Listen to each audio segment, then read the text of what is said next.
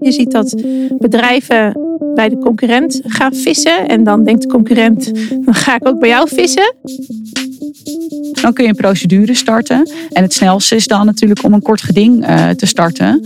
Uh, want als je een bodemprocedure gaat starten, ja, dan, dan heeft die uh, werknemer bij de nieuwe werkgever misschien al al je relaties overgenomen. en dat wil je natuurlijk niet. Welkom bij de Wijn en Staal podcast. Hierin bespreken we belangrijke juridische trends, ontwikkelingen en thema's. Kortom, jouw podcast om bij te blijven.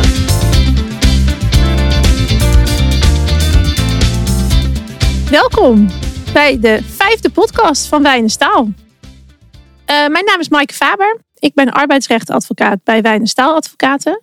En naast mij zit mijn collega Carlijn van der Heijden. Hi. Hi. Welkom Carlijn, leuk dat je er bent.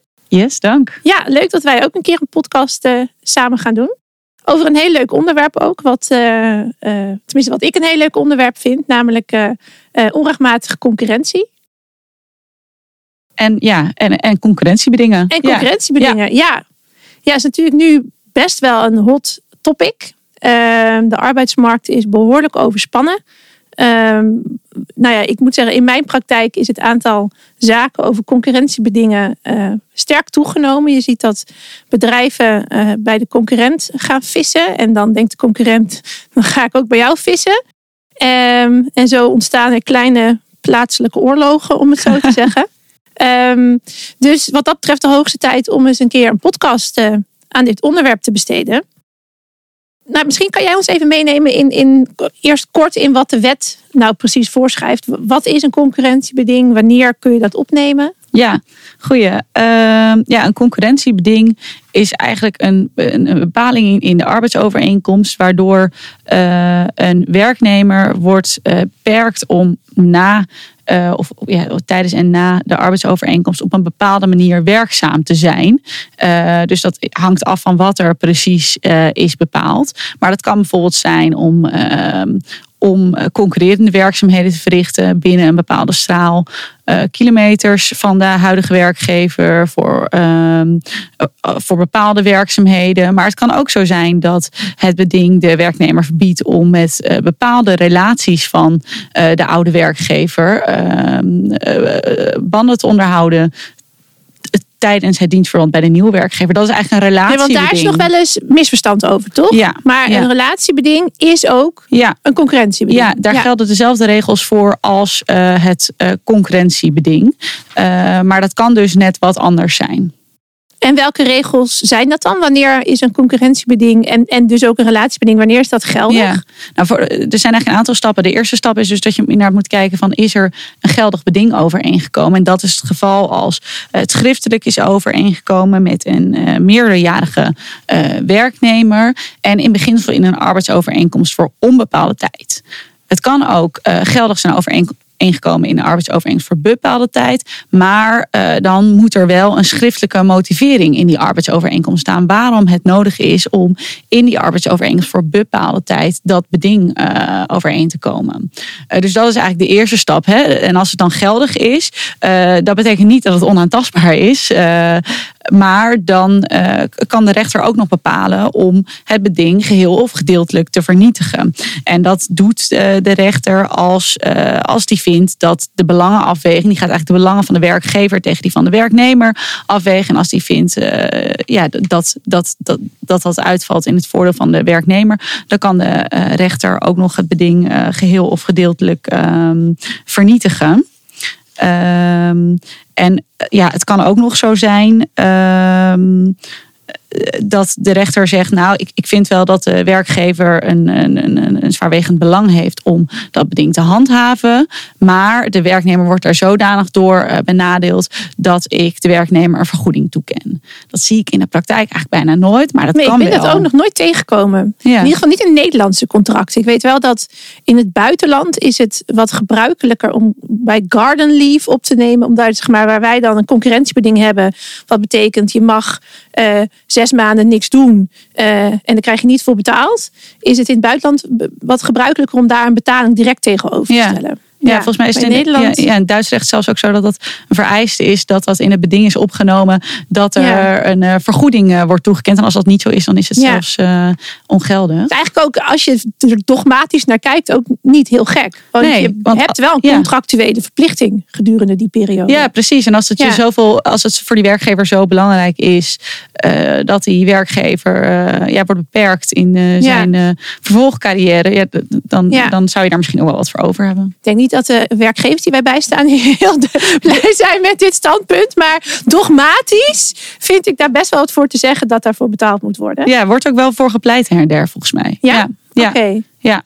Ja, er is ook wel e- één uitspraak kwam ik tegen, eh, of twee uitspraken eigenlijk waarin dit ook werd gedaan. De eerste was een, een, een regionaal bekende DJ en die, de, de, de, kroeg, de kroeg waar hij eh, optreden vaak, die, die dacht, ja, als hij eh, bij de buurman gaat optreden, dan ben ik al mijn klanten kwijt. Eh, en die werknemer die werd eigenlijk zo beperkt als, door dat beding, omdat hij ja, die niet meer in de regio waar hij faamgenoten kon optreden. Ja. Dus toen werd er gekozen voor die eh, vergoeding. Ja, en dat is echt als je het hebt over een, een, een kleine specialistische markt, dus eigenlijk. eh, waardoor ja, eigenlijk de werknemer en de werkgever allebei heel, heel groot belang eh, bij hebben. Om Ja. het beding wel of niet te handhaven. Oké, oké. Hey, en wanneer, ehm, nou ja, behoort nou de belangenafweging in het voordeel van de werkgever uit te vallen en die van de werknemer? Wanneer kun je nou, als een werknemer bij je komt met een beding, zeggen van ja, dit gaat de rechter wel onderuit schoffelen? Ja, eh, dat is een beetje een eh, juridische dooddoener, maar dat hangt af van omstandigheden van het geval. Maar Oké, ik zal de advocaat. Nee, maar ja, dat, dat hangt echt af van de situatie. Maar dingen die eh, in het voordeel van de werknemer kunnen pleiten, zijn bijvoorbeeld, al- is bijvoorbeeld als een, als een werknemer een enorme positieverbetering kan bewerkstelligen. Dat is waarom nu denk ik het onderwerp concurrentiebedingen ook best wel actueel is. Omdat door de krappe arbeidsmarkt eh, kunnen, ja, wordt er aan alle kanten aan werknemers getrokken. Eh, en kunnen eh, concurrenten van de werkgever soms een veel beter pakket bieden dan de huidige werkgever. Ja. Ehm, ja, en dat weegt een, een rechter wel mee. Eh, als jij eh, ergens anders eh, een, een, ja, veel meer kan verdienen of veel betere doorgroeimogelijkheden hebt. Dat is eh, bijvoorbeeld relevant. Ook ja, hoe lang eh, de arbeidsovereenkomst heeft eh, geduurd, de arbeidsmarktperspectieven. eh, of een werknemer ook een positieverbetering kan bewerkstelligen bij de huidige werkgever. Als de huidige werkgever zegt, ja, maar volgend jaar kun je doorgroeien naar deze toppositie. Dan zal de belangenafweging misschien wel anders uitvallen dan als de werkgever zegt, nee, eh, dit is het tot je pensioen. Ja. En wat worden. natuurlijk nadrukkelijk niet een rol mag spelen in die ehm, eh, belangenafweging, is het feit dat een werkgever graag zijn werknemers wil behouden. Ja, Want dat mag natuurlijk eigenlijk niet een reden zijn om een concurrentiebeding nou ja, ten eerste op te leggen, maar ook om iemand eraan te houden. ja, En dat Ja. is in de huidige markt natuurlijk wel een beetje een ja. nou ja, glijdende schaal. Wat, wat, wat ik al wel een paar keer heb gezien, is dat, dat werkgevers het, nou, het wel doen voorkomen alsof het zeg maar ehm, bedoeld is vanuit echt redenen om het bedrijf te beschermen. Maar dat als puntje bij paaltje komt dat toch ook wel, het in ieder geval naar riekt dat ze gewoon hun mensen niet kwijt. Ja. Ja, inderdaad. Het, het behoud van personeel in zijn algemeenheid is geen belang van de werkgever dat, eh, dat moet meespelen. Maar je ziet toch best vaak eh, dat concurrentiebedingen in arbeid, arbeidsovereenkomsten staan eh, van werknemers die dan een functie hebben waarvan ik ja, je toch wel echt kan afvragen. Wat is dan hè, dat belang Ja. van de werkgever? Deze werknemer beschikt helemaal niet over concurrentiegevoelige informatie en dergelijke. Welk bl- bloed vloeit eruit voort als de werkgever naar de concurrent, werknemer naar de concurrent gaat? Eh, Ja, volgens mij hebben veel werkgevers het standaard in hun Ja. arbeidsovereenkomst staan. Ja. Of dat nou voor de receptioniste is of voor de, de sales en marketing manager bijvoorbeeld. Ja. Waarbij ik me goed kan voorstellen dat je die juist wel aan een concurrentiebeding wilt binden. Ja, maar de Maar- eh, receptionist vaak weer niet. Nee, precies. Nee, Nee. maar volgens mij zijn er heel veel werkgevers die het gewoon opnemen. Ja, En je kunt mensen er altijd natuurlijk van eh, uit ontslaan uit zo'n beding. ja, En dan moet Ja. ik zeggen dat ja, juridisch ja. snap ik dat ook wel. Want dan Ja. heb je, je hebt iets en je kunt het loslaten. Terwijl als je het niet opneemt, kun, ja, kun je iemand er nooit meer aan houden. Maar Zeker. het, het is natuurlijk niet helemaal de bedoeling. Ook niet de bedoeling van de wetgever. Nee, ik, ik denk, kijk, juridisch is het natuurlijk veiligst om een zo breed mogelijk Ja. beding op te nemen. Want daar is niet op tegen. Dat is ook helemaal niet verboden. Maar pragmatisch kun je wel afvragen, zeker ook als werkgever, of je dat eh, wel wenselijk vindt om aan een, eh, om aan een werknemer een eh, heel uitgebreid beding voor te leggen ter ondertekening. Nou ja, ik denk dat heel veel mensen er wel. Bedoel, los van of het misschien later onderuit geschoffeld kan worden bij de rechter. ehm, gaat er natuurlijk wel een zekere mate van preventieve werking aan vooraf. Je moet als werknemer dan wel de stap naar de rechter maken. Of in ieder geval de discussie met je werkgever aangaan. Ja. En als er een boete op staat, is natuurlijk, merk je wel dat werknemers toch wel bang zijn Ja. Om die stap dan te maken. Ja, dus het kan misschien ook al wel je onderhandelingspositie als werkgever eh, verbeteren. Ehm, maar ja, tegelijkertijd de- denk ik dat je er eh, om pragmatische redenen ook wel voor zou kunnen kiezen om toch eens kritisch te kijken wat, je, eh, wat, je, wat nou echt voor jou als werkgever van belang is. En het misschien daartoe te beperken. Want dat voorkomt natuurlijk ook discussie met werknemers die vertrekken. Ja. Nou, en ik denk dat het bij een rechter ook wel sympathiek Ja. overkomt. Als je zegt van ja, weet je, we hebben dit echt alleen opgenomen voor zover het nodig is. En als je Ja. dat ook gewoon goed kunt uitleggen, dan denk ik dat je een rechter ook misschien eerder aan je zijde hebt dan als je zegt dat eh Pietje Puk over de hele wereld nooit meer bij een telecombedrijf mag werken de rest Ja. van zijn leven. Ja, nou, het is grappig dat je eh, dat zegt over de hele wereld bij een telecombedrijf werkt. Want het kan wel zo zijn dat een eh, eh, beding, een concurrentiebeding wereldwijd strekt. Eh, er zijn ook wel uitspraken over geweest waarin, waarin zo'n beding met zo'n eh, brede werking eh, stand hield. Maar dan ging het wel echt om eh wereldwijd, een hele kleine eh, wereldwijde markt. Echt Eh, een niche. Die echt zeg maar dat maar een paar niche, men- ja. bedrijven op de wereld dat doen. Ja, precies. En ik zag ook een uitspraak daarin, eh, oordeelde de rechter dan wel nou, dat het op zich geldig was, maar dat het werd beperkt. ehm, eh, voor zover het zag op een deel van de wereld waar de werkgever nog niet actief was. Ja, dus daar zie je ook weer dat het zeg maar dan beperkt wordt tot waar het noodzakelijk is. Ja, ja. En dus niet dat ene stukje, die ene uithoek van de wereld waar de werkgever nog niet actief was. Nee. En toch zie ik er, moet ik eerlijk zeggen, wel vaak of heel Europa of heel, eh, ja, Ja, ja, ja, of heel. Nederland. Dat is natuurlijk ook soms al discutabel. Ja, maar het kan Ja. ook echt heel gerechtvaardigd zijn. Dus ja, teken het ook niet zomaar. Let er wel echt goed op. Oké, het is eh, tijd voor ons vaste intermezzo. Aniek.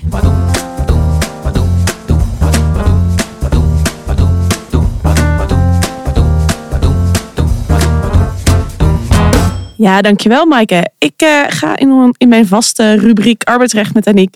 ga ik vandaag verder op het concurrentiebeding... en dan de belangenafweging van de rechter. Jullie hebben er net al het eh, een en ander over gehoord... maar ik ga iets dieper in op de percentages van die belangenafweging.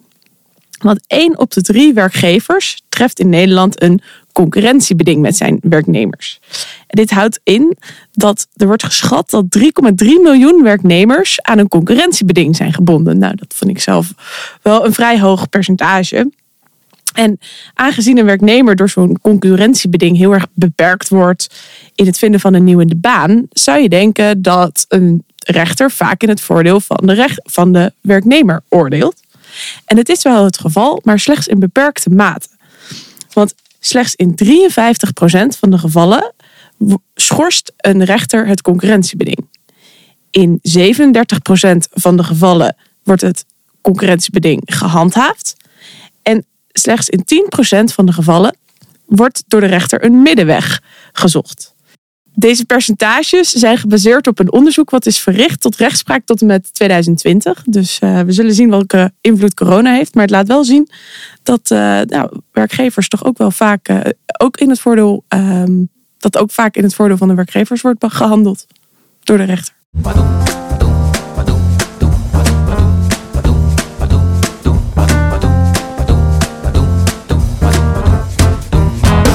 Ja, jeetje, dankjewel. 51 procent. Ik, ik vind het best veel, moet ik zeggen. Ehm, ja, dan even terug naar jou, Carlijn. Ehm, wat kun je nou eigenlijk doen als een, een van jouw werknemers, als je erachter komt van hé, hey, die gaat bij de concurrent werken en eh, ik heb een concurrentiebeding. Wat zijn dan de stappen die je moet zetten? Ja, die je kunt zetten? Ja, nou, er zijn eigenlijk een paar dingen eh, die je kunt doen. Allereerst kun je natuurlijk een, die werknemer een eh, brief sturen en sommeren om eh, te stoppen met uh, werken uh, bij die nieuwe werkgever. Je kunt de werknemer daarbij ook gelijk wijzen op de boetes die zijn overeengekomen, als die zijn overeengekomen. Het gaat vaak samen, maar ik zeg het er maar even voor de zekerheid bij. Ja, ik heb ook wel, wel vaak concurrentiebedingen gezien zonder boete. Ja, dat is toch wel zonde, mensen. Dat is erg lastig. Ja, dat bedoel je, je kunt natuurlijk nog wel nakoming vorderen, maar je bent Ja. wel je, je, ja, je stok om mee te slaan, ben je toch wel, het maakt wel minder indruk. Ja, ja je, je bent- je, bent, je, je, kunt inderdaad nog wel. Je, je kunt natuurlijk gewoon wel eh, die werknemer aan de verplichting houden om eh, geen, niet concurrerend werkzaam te zijn. Maar goed, eh, het is dan wat onduidelijker wat het gevolg is voor de werknemer als hij daar Ja. geen gehoor aan geeft. Eh, dus inderdaad, die stok om mee te slaan ben je dan kwijt. Eh, of althans, die is dan wat onzeker. Eh, maar goed, ja, als, als de werknemer geen ehm, eh, gehoor geeft aan die oproep, dan kun je een procedure starten. En het snelste is dan natuurlijk om een kort geding te starten. Want als je een bodemprocedure gaat starten, ja, dan, dan heeft die werknemer bij de nieuwe werkgever misschien al al je relaties overgenomen. Ja. En dat wil je natuurlijk niet.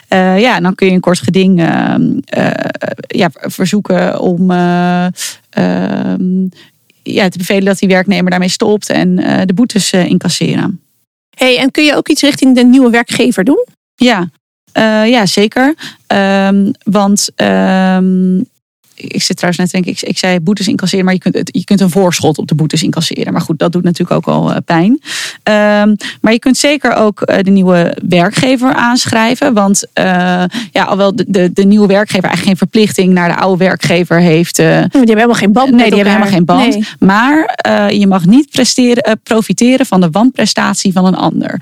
Dus als ehm, eh, je een nieuwe werkgever bent en er treedt een werknemer bij jou in dienst. Eh, die dat eigenlijk niet zou mogen doen vanwege een concurrentiebeding. eh, dan pleegt die eh, werknemer wanprestatie. En daar profiteer jij dan als nieuwe werkgever misschien wel van. Dus als oude werkgever zou ik altijd die nieuwe werkgever een brief sturen. Hem informeren over dat de werknemer eh, vanwege het concurrentiebeding niet bij de nieuwe werkgever in dienst mag treden.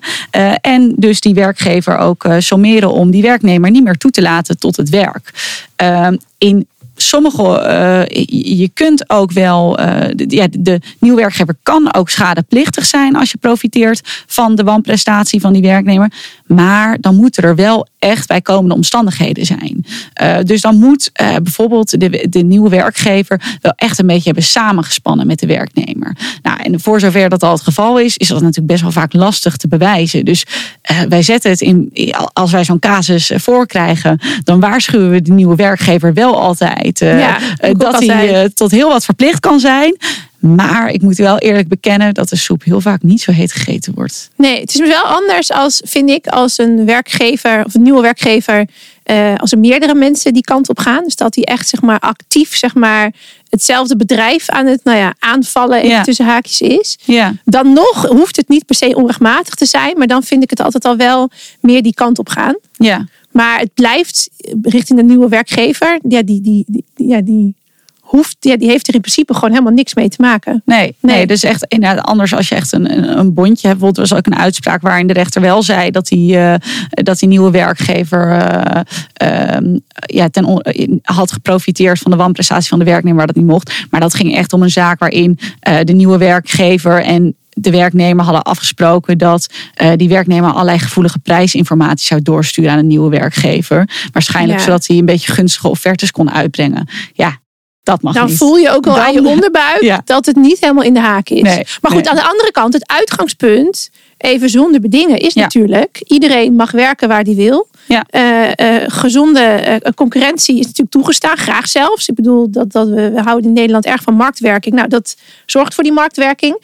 Dus het uitgangspunt is eigenlijk alles mag, tenzij je of een concurrentiebeding hebt, of je komt in de sferen van onrechtmatigheid. Ja, ja, Ja. inderdaad. Hey, en hoe worden dit soort dingen nou vaak opgelost? Want je kunt naar de rechter gaan, maar zijn er nog andere opties om dit Ja. tot een goed eind te brengen? Ja, ik zei net inderdaad, inderdaad eer- eh, een brief schrijven en anders eh, naar de rechter. Maar eh, het schrijven van een pittige brief is vaak natuurlijk ook eh, de opmaat naar eh, een onderhandeling. Hè. Daarmee probeer je ook wel gewoon een onderhandelingspositie te creëren. Eh, want in onderhandeling of een goed gesprek is natuurlijk vaak ook een hoop mogelijk. Ehm, wat je in ieder geval kunt doen, is er ook gewoon proberen achter te komen wat nu precies het belang van de werkgever is en wat nu precies het belang van de werknemer is. Want het kan natuurlijk best zo zijn dat de werkgever eigenlijk het belangrijkst vindt dat de werknemer eh, geen eh, zakelijke relaties eh, blijft onderhouden met, met zijn relaties. Terwijl die werknemer zegt: Ik wil prima bij de nieuwe werkgever andere klanten gaan bedienen, maar ik wil gewoon heel graag in deze branche blijven werken.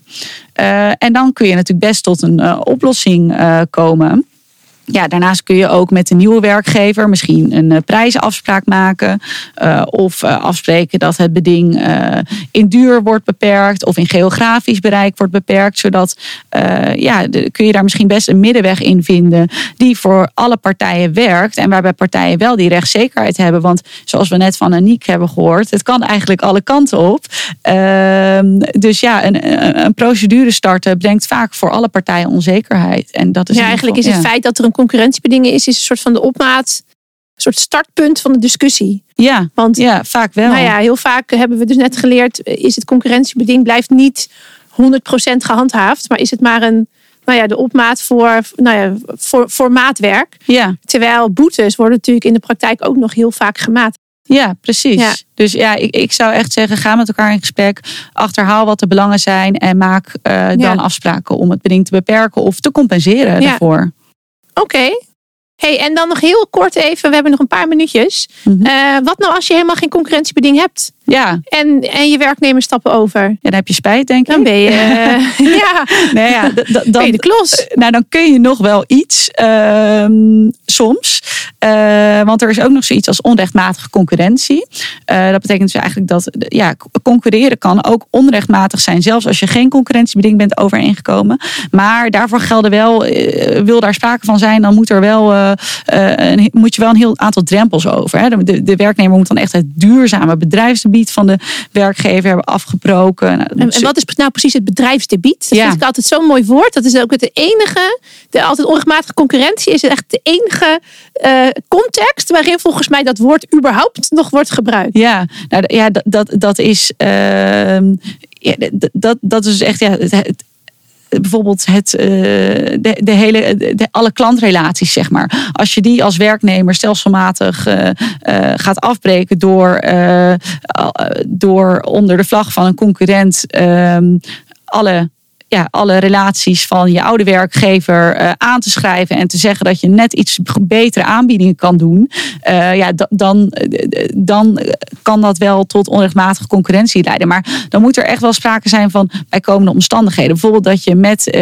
prijsinformatie die je opdeed bij je oude werkgever net iets onder, tegen net iets lagere prijzen iets gaat aanbieden. Dat je bijvoorbeeld ook bij het doen van die aanbieding verwijst naar je oude dienstverband eh, enzovoorts enzovoorts. Ehm, En stelselmatig. Dus En niet een enkele keer, maar ja, stelselmatig. ja. Dat het zeg maar, Ja. dat je echt bij, dat je echt, nou ja, dat de oude werkgever er ook echt substantieel last van heeft. En Ja. hem echt business kost. Ja, en dus met behulp van eh, dat je dat doet met behulp van kennis en gegevens die je bij je oude werkgever opdeed. Dus ja, als jij gewoon eh, een, een nieuwe onderneming op, opzet en je doet dat zonder enige kennis of gegevens die je eerder hebt gedaan, maar je bent gewoon een hele goede concurrent. Ja. Eh, jammer voor je oude Ja. werkgever, maar dan kun je er niet zoveel tegen beginnen. Ook hier moet echt wel een beetje sprake zijn van een opzetje. Ja. Oké, dus de les van vandaag. Neem een concurrentiebeding op. Zeker met Maar- een boete. Wees Erbij? wel kritisch of het echt nodig is. Ja, dat zou ik als tip willen meegeven. Niet Ja. juridisch het laatste, maar Ja, misschien nou pragmatisch. En de- inderdaad die boete. Want zonder boete ehm, ja, is het toch een beetje een tandeloze tijger. Ja, of dan Ja. wordt het in ieder geval een stuk ingewikkelder. Oké. Ja. Hey, heel erg bedankt ehm, dat je hier wilde zijn vandaag. Ik vond het leuk. Ik ook. Ehm, en alle luisteraars ook hartelijk bedankt. En tot de volgende keer. Dit was een podcast van Wijn en Staaladvocaten. Wil je meer informatie over ons kantoor of wat wij voor jou kunnen betekenen? Bezoek dan onze website wijnenstaal.nl.